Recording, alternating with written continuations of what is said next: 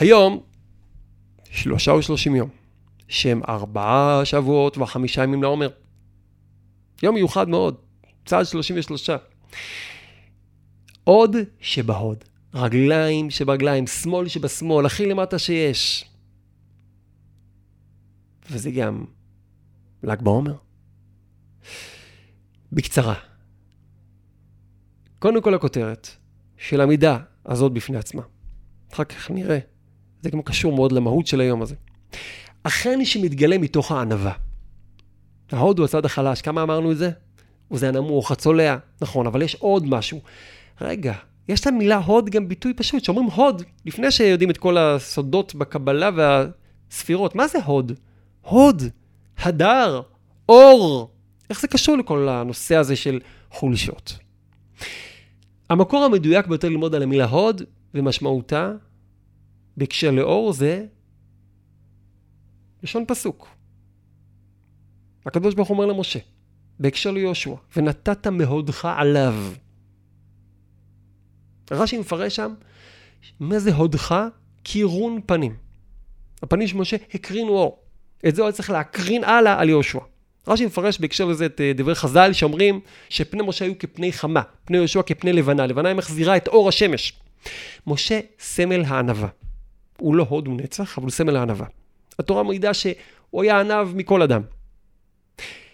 התורה מעידה שמכולם, רק משה לא ידע שפניו קורנות. עד שאמרו לו, הוא שם מסווה על פניו. הוא לא יודע אפילו שפניו קורנות, לכן פניו היו קורנות. קורן, מה זה קורן?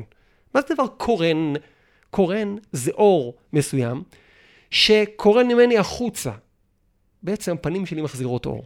כדי שפנים של מישהו יקרנו, הוא צריך להיות באמת עניו, להחזיק מידת ההוד.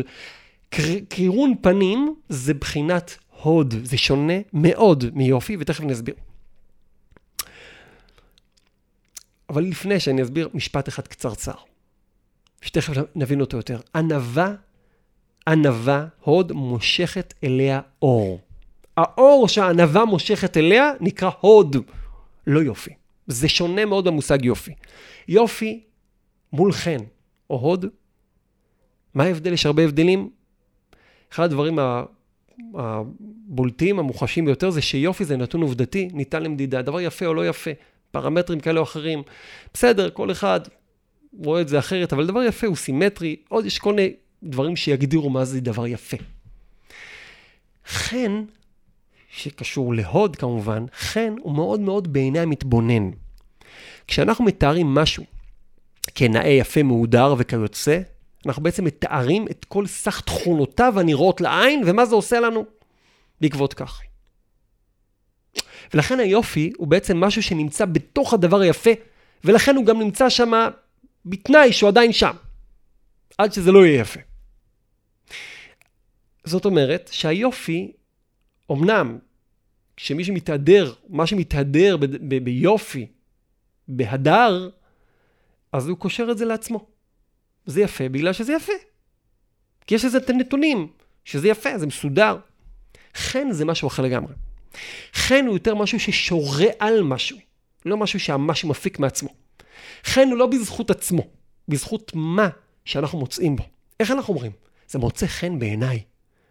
זה מוצא חן בעיניי. מי מוצא? הוא מוצא חן בעיניי. כלומר. זה שמרגיש שזה מוצא חן בעיניו, הוא זה שמעניק את החן לדבר שמוצא חן בעיניו. זה מוצא חן בעיניי בגלל מה שזה מזכיר לי, מה שזה מעורר בתוכי. החן הוא דבר מאוד נעלם, עדין מאוד, ולכן יש לו נקודה ייחודית מאוד ושונה מיופי. זה בעצם כל מהות מידת ההוד. לא בגלל מי שאני, אלא בגלל מה שמוצאים בי, מה שהשם מוצא בי. נוח מצא חן בעיני השם. זה שונה מיופי. מצא חן. הוא מצא, הקדוש ברוך הוא מצא אותו. זה דיון מרתק בפני עצמו, אבל הרעיון הוא פשוט. חן, הוא נמצא בעיני המתבונן. כלומר, המתבונן מעריף או משרה איזשהו תוכן, הערכה על הדבר שבו הוא מתבונן. זה מדהים.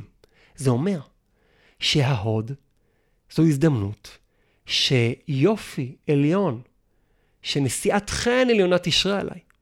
לא בגלל שאני מוצלח, אלא כי השם הצליח דרכי, כמו שאומר אליעזר עבד אברהם מתוך הענווה שלו. זה גם נקרא לענבים ייתן חן. מי שענב מקבל חן. זה ההבדל בין יופי לחן. ולכן, מה שדבר ראשון רוצה לגזור מזה, הבנה מאוד חשובה. לעולם אתה לא יודע, בן אדם, מה אצלך נושא חן בעיני, בעיני המתבונן, הקדוש ברוך הוא. אפילו בעיני אחרים, אפילו בעולם הזה. אדם יכול לנסות למצוא חן בעיני מישהו, זה כבר לא נראה כל כך יפה. החן, נשיאת החן הכי יפה זה שאדם מסיח דעתו. כמו ילד קטן שעושה משהו שאנחנו ממש מתמוגגים ממנו. כשמתחיל לנסות לשחזר את זה שוב פעם, זה כבר נהיה כזה אה, חיקוי של עצמו. כשאנחנו חושבים על מה מתוך מה שאני עושה חשוב ונושא חן, אנחנו כבר חושבים על עצמנו. מה אני אוהב לעשות, איך אני אוהב להיראות. אני כבר, כבר זה לא חן, זה משהו אחר.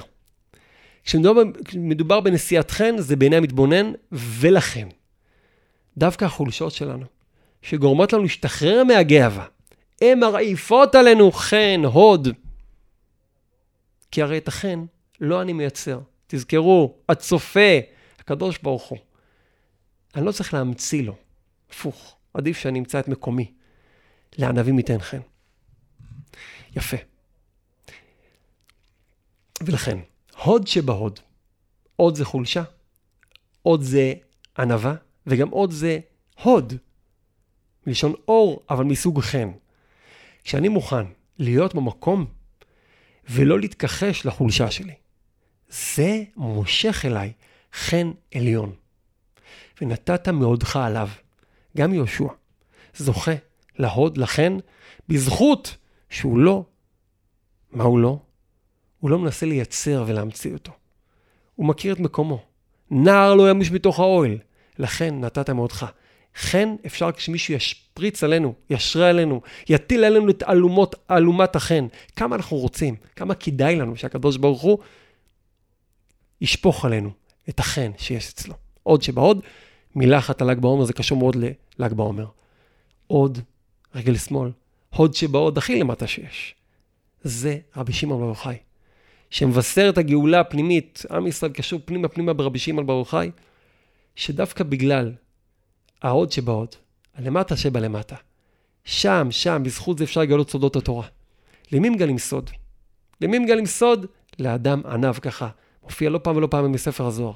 מי שמוכן לקבל את החולשות שלו, ובתוך ענווה להתבונן, לשאת עיניים לשמיים, אני רוצה אותך, ריבונו של עולם. הקדוש ברוך הוא מביא אליו, מגלה לו את הסודות הכי אישיים שלו, הכי פנימיים שלו. בהצלחה.